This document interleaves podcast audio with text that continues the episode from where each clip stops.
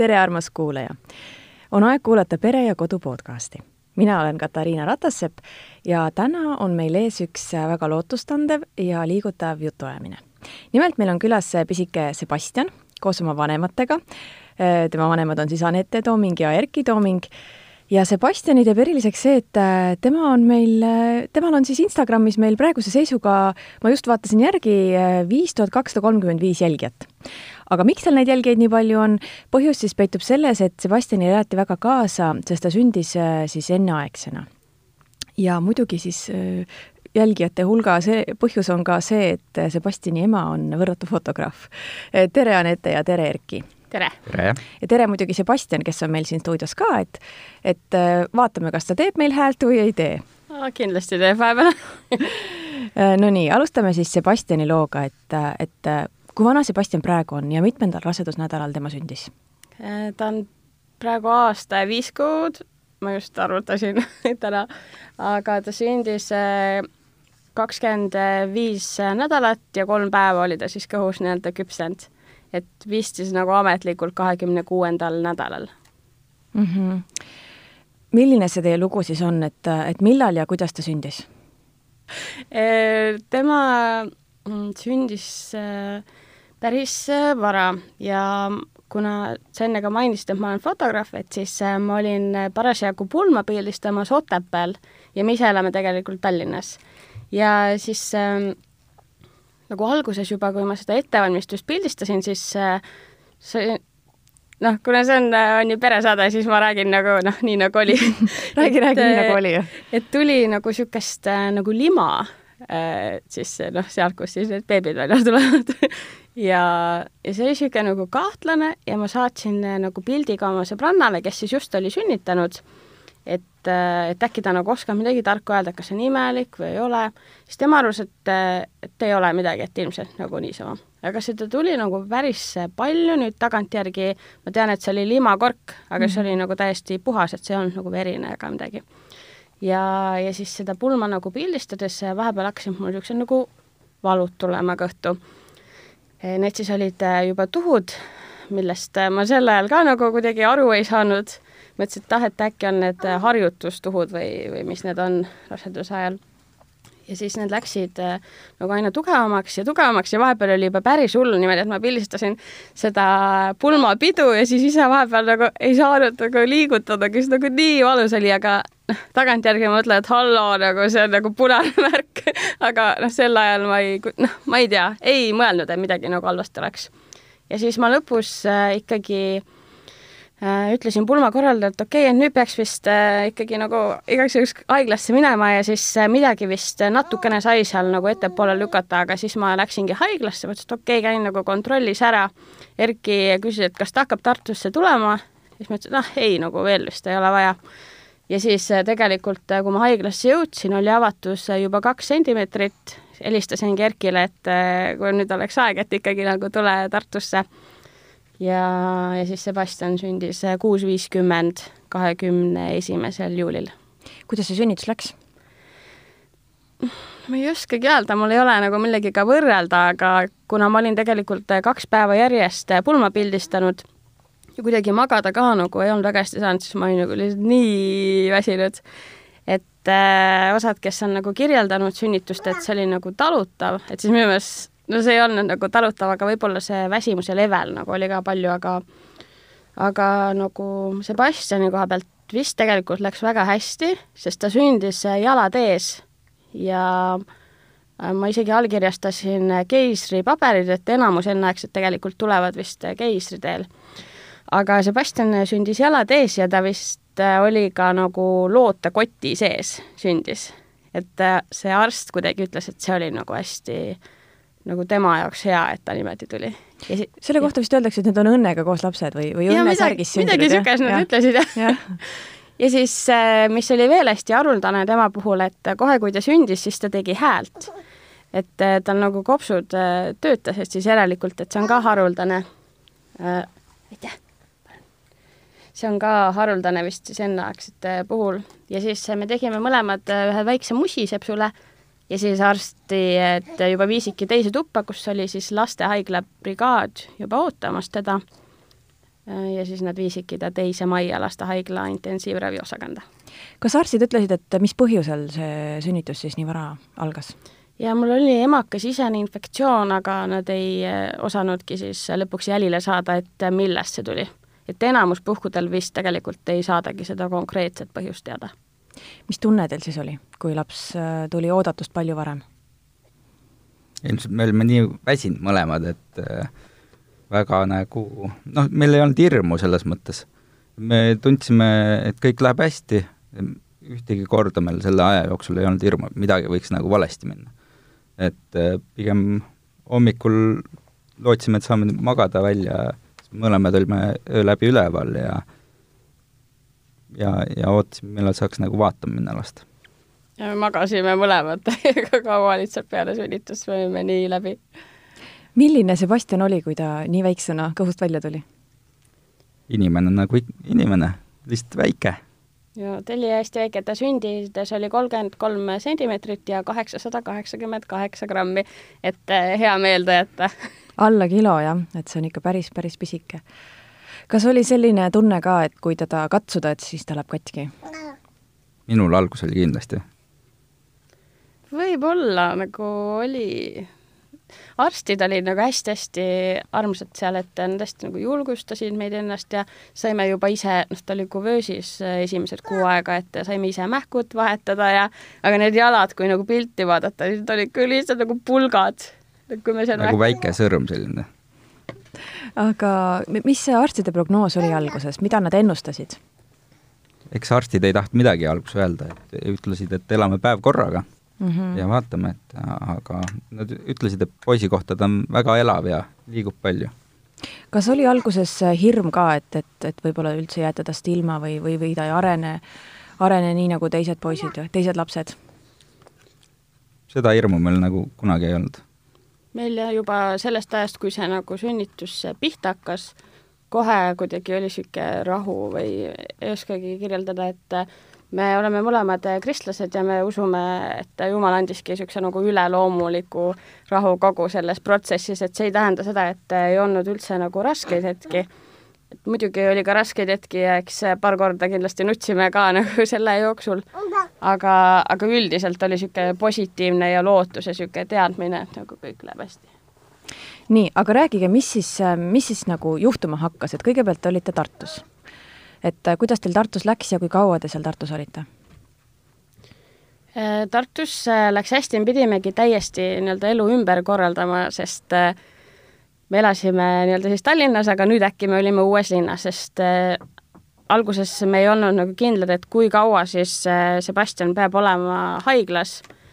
Ehm, noh, seda ei osanud keegi öelda ja siis me nii-öelda siis läksimegi nii-öelda teadmatusesse Tartusse elama ja väga lahe oli see, et me panime kohe alguses eh, Facebooki niisuguse kuulutuse, et meil on sündinud enneaegne laps ja seoses sellega otsime endale teadmata ajaks kodu, no ilmselt mingi kuu või paar või noh, me ei osanudki üldse teada, et kaua meil on vaja seda.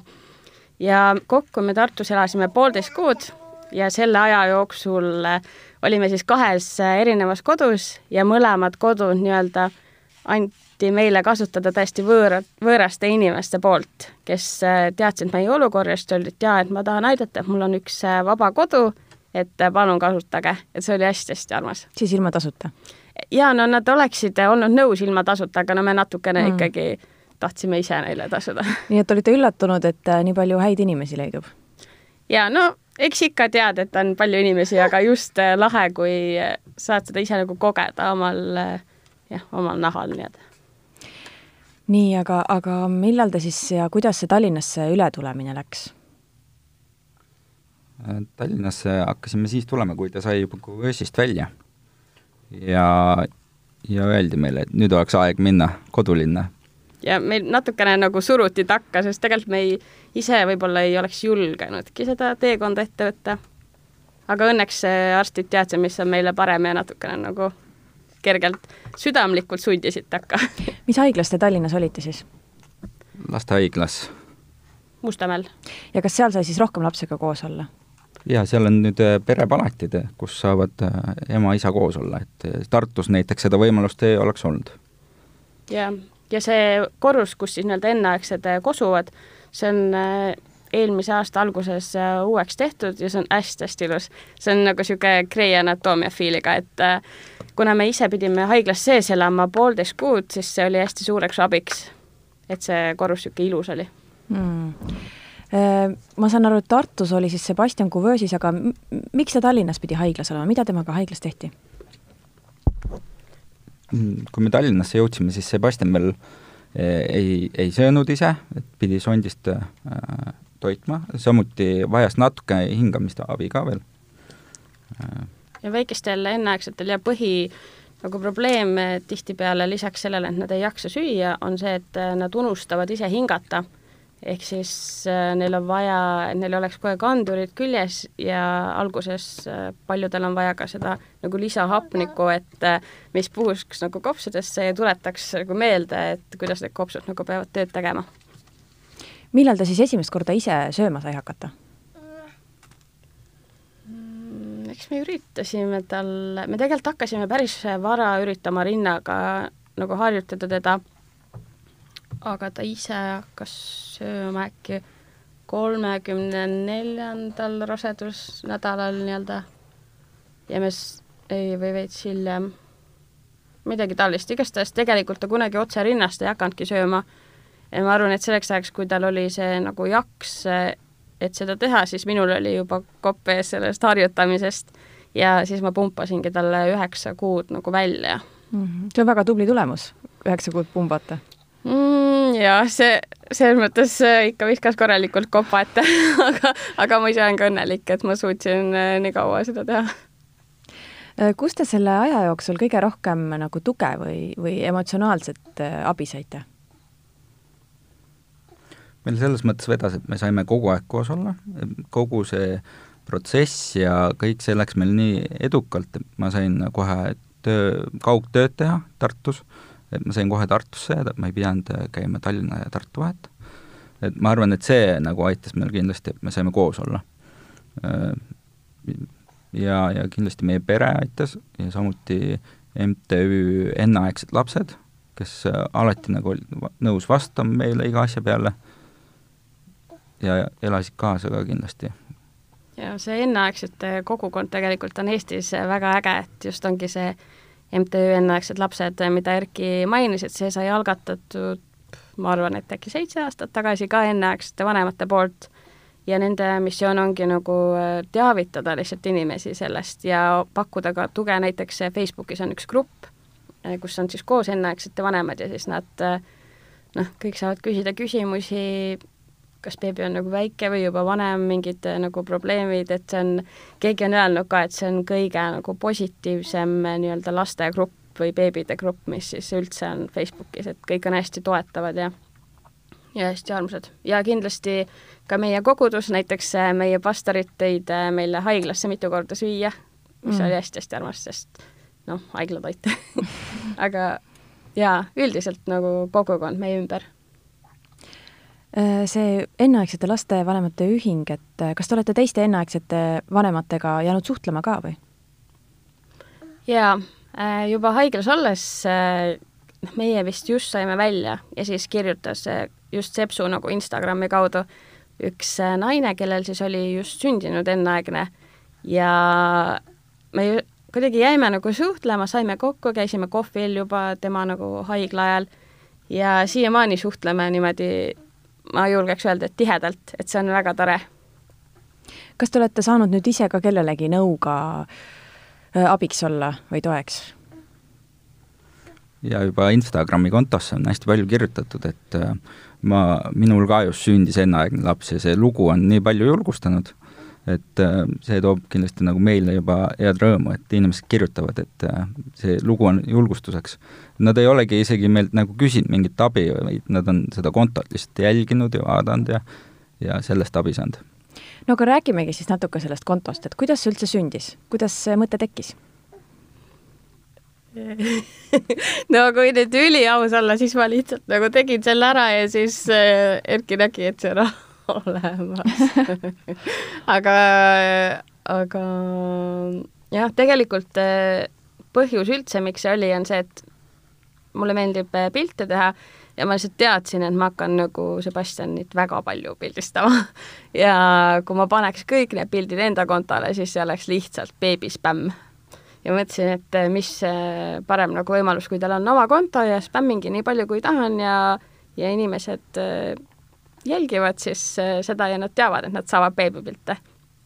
isegi nagu alguses, äh, kui ta oli pisike, aga siis kuidagi jah, sest kujunes niisugune äge kaasaelamise konto, et inimesed hästi elasid kaasa ja kirjutasid hästi palju julgustavaid äh, sõnumeid ja see oli hästi-hästi tore.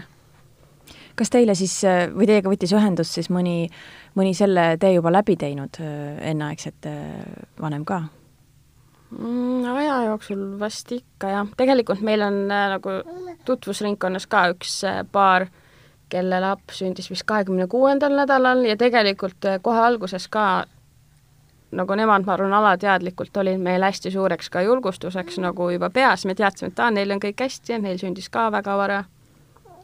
et äh, ja nüüd peale seda, kui Sepsu juba sündis, siis meil on veel tutvusringkonnas nagu sündinud või tuttavate tuttavatel enneaegseid, aga enne kuidagi ei pannud seda üldse niimoodi tähele mm. -hmm. et nüüd oskate nagu äh, seda tähele panna ja teate, mis olukorras nad on. jaa, ja me oleme alati seal Instagrami kontol ka öelnud, et äh, nagu meile võib alati kirjutada ähm,, noh, mis iganes küsimusi on või lihtsalt, et äh, et laps sündis ja siis me lihtsalt, ma ei tea, elame kaasa ja aitame, kuidas saame. kas see tuli üllatusena ka, et äh, sellel kontol nüüd nii palju jälgijaid on, sest vii-, nagu ma ütlesin, üle viie tuhande, et see tegelikult on päris suur number ju ma ei teagi, ma kunagi ei mõelnud vist sellele. ja siis see hakkas kasvama ja siis mõtlesin, oh, tuus või sul tuli üllatusena? mina kindlasti ei mõelnud, et äh, see võiks nagu nii suureks kasvada, aga samas nüüd, kui tagantjärgi näha, et kui palju julgustust see inimestesse on toonud, et äh, siis mul on nagu väga hea meel.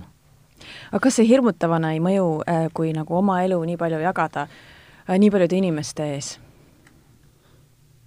selles mõttes, ega me kindlasti kõike ei jaga, aga me ei jaga nagu noh, selles mõttes me jagame ainult nagu positiivset Need on ikka klantspildid sellised, mitte päriselust kõike?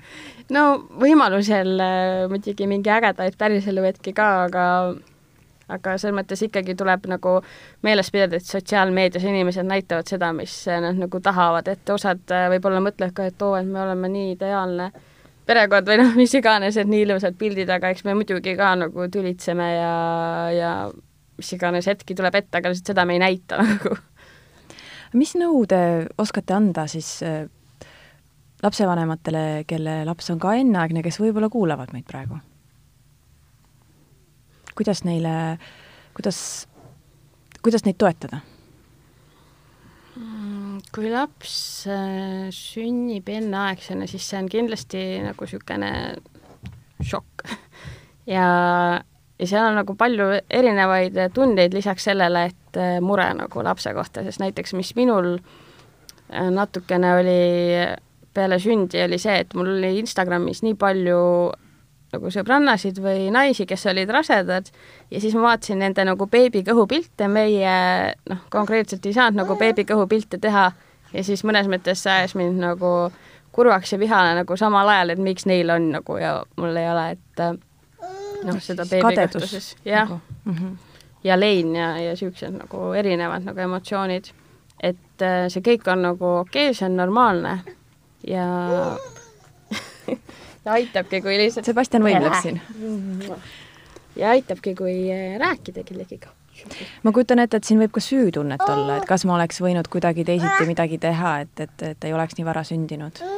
ja minul õnneks seda nagu ei äh, ole esinenud selle aja jooksul, võib-olla mingi paar nagu mõtet, aga see ei ole õnneks olnud. Aga ma tean, et äh, see on väga paljudel enneaegsetel emadel on just see, et mis ma tegin valesti või süütunne oma keha ees, et kuidas ta siis hakkama ei saanud ja ja see on ka äh, kindlasti teema, millega tuleb tegeleda, et kui, kui võib-olla tunned, et äh, mees ei saa aru, et siis kas või kirjutada nagu mulle Instagrami sellest probleemist, et nende asjadega ei saa nagu üksi jääda, sest äh, need võivadki piinama jääda. ja sellest MTÜ-st saab ka kindlasti abi, ma kujutan ette. jaa, ja tegelikult äh, kui sul on sündinud enneaegne laps, siis võikski äh, liituda selle Facebooki grupiga, sest seal on hästi palju niisuguseid inspireerivaid lugusid. nii, aga mida Äh, mida soovitada siis enneaegsete laste vanemate lähedastele? et kui sinu tutvusringkonnas äh, sünnib kellelgi enneaegne laps, et kuidas siis nende vanematega ümber käia, kuidas neile kõige paremini toeks olla? kindlasti ei tasu hakata heietama, et oi-oi, mis nüüd saab, et sul sündis enneaegne laps, vaid elada kaasa, nagu õigeaegne laps oleks olnud ja ja, ja ja väike kaisukaru ja, ja küsida, et kas saame kuidagi aidata viia haiglasse toitu, kas või selline lihtne asi. ja kindlasti esimese asjana lihtsalt soovi õnne, et laps sündis, mitte et oi, kas ta jääb ellu, aga see on kõige halvem küsimus, mida üldse küsid, mis prognoosid on et kõigepealt lihtsalt õnne soovida? jaa, õnne soovida ja lihtsalt äh, olla vajadusel toeks äh,, isegi mitte võib-olla küsida, et äh, anna teada, kui saan aidata, vaid lihtsalt saadagi see mingi mõnus toidukord Woldi-Boltiga äh, paljudes poodides müüakse enneaegseid riideid number nelikümmend neli suurus isegi alguses, kui need on nagu väga suured, siis äh, see on nagu motivatsioon tulevikuks, et oh, et varsti saan selga panna. et niisugused äh, nagu toredad kingitused ja head sõnad. aga räägime nüüd natukene Sebastiani tänasest päevast ka, et äh, kuidas Sebastianil praegu läheb?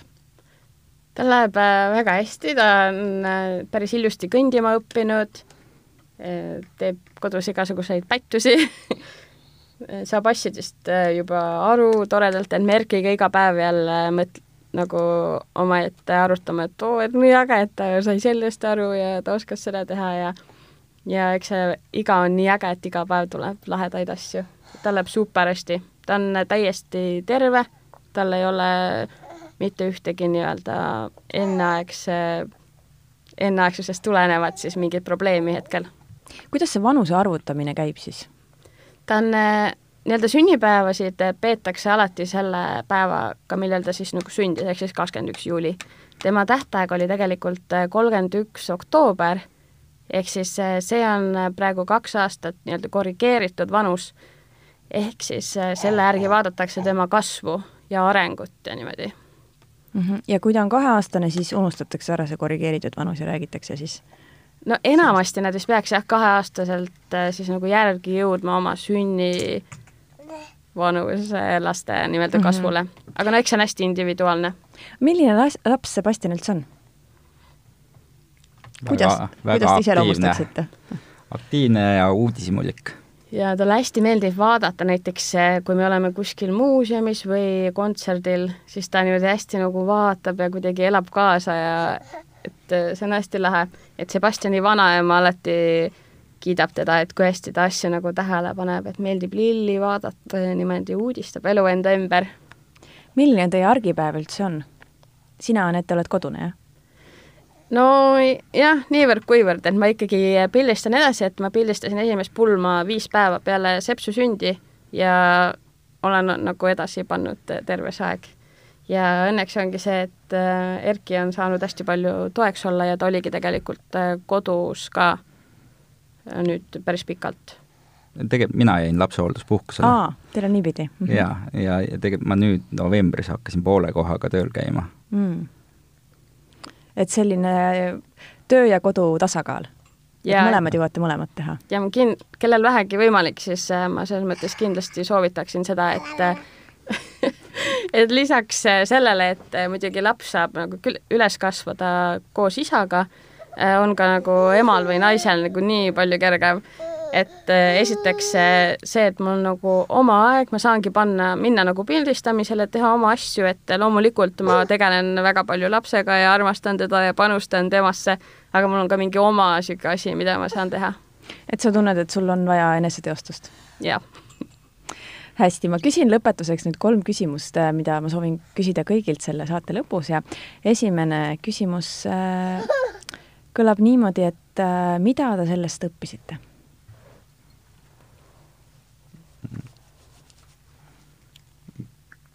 mõnes mõttes, kui me nagu räägime oma usust, siis kindlasti nagu usaldama Jumalat igas olukorras et kui Sebastian sündis ka, siis ta sündis pühapäeval, nii et põhimõtteliselt kogu Eesti kirikud palvetasid tema eest. ega seda oleme õppinud, et see kindlasti on maraton, mitte sprint.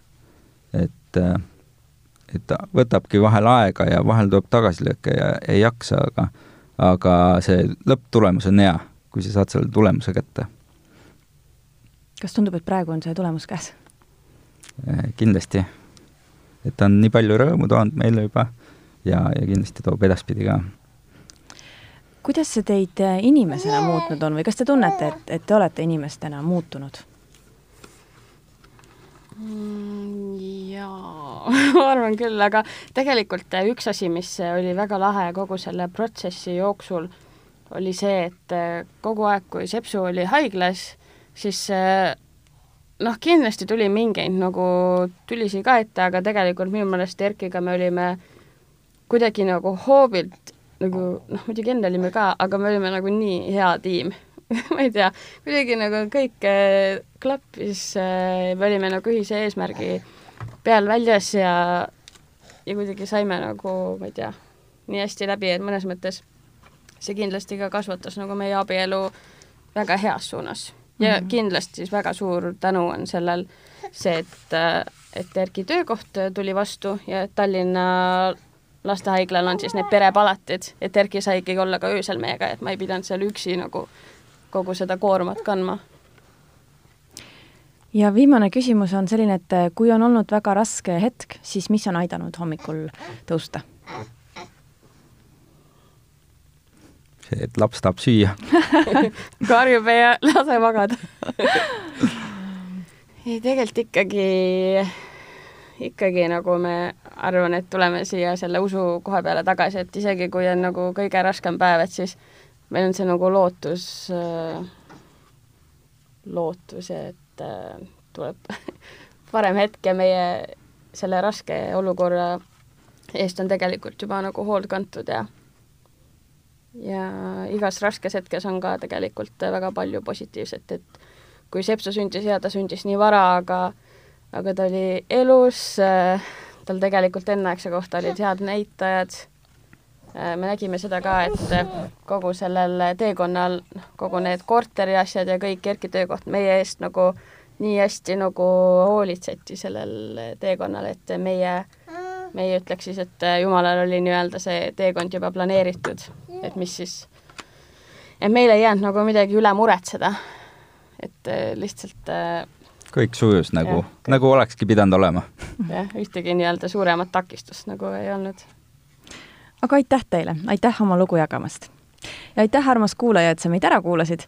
kõik meie saated on leitavad Spotify'st, iTunes'ist, SoundCloud'ist ja ka teistest suurematest podcast'ide rakendustest. leia meid üles hakka jälgima ja uued episoodid jõuavad ise sinuni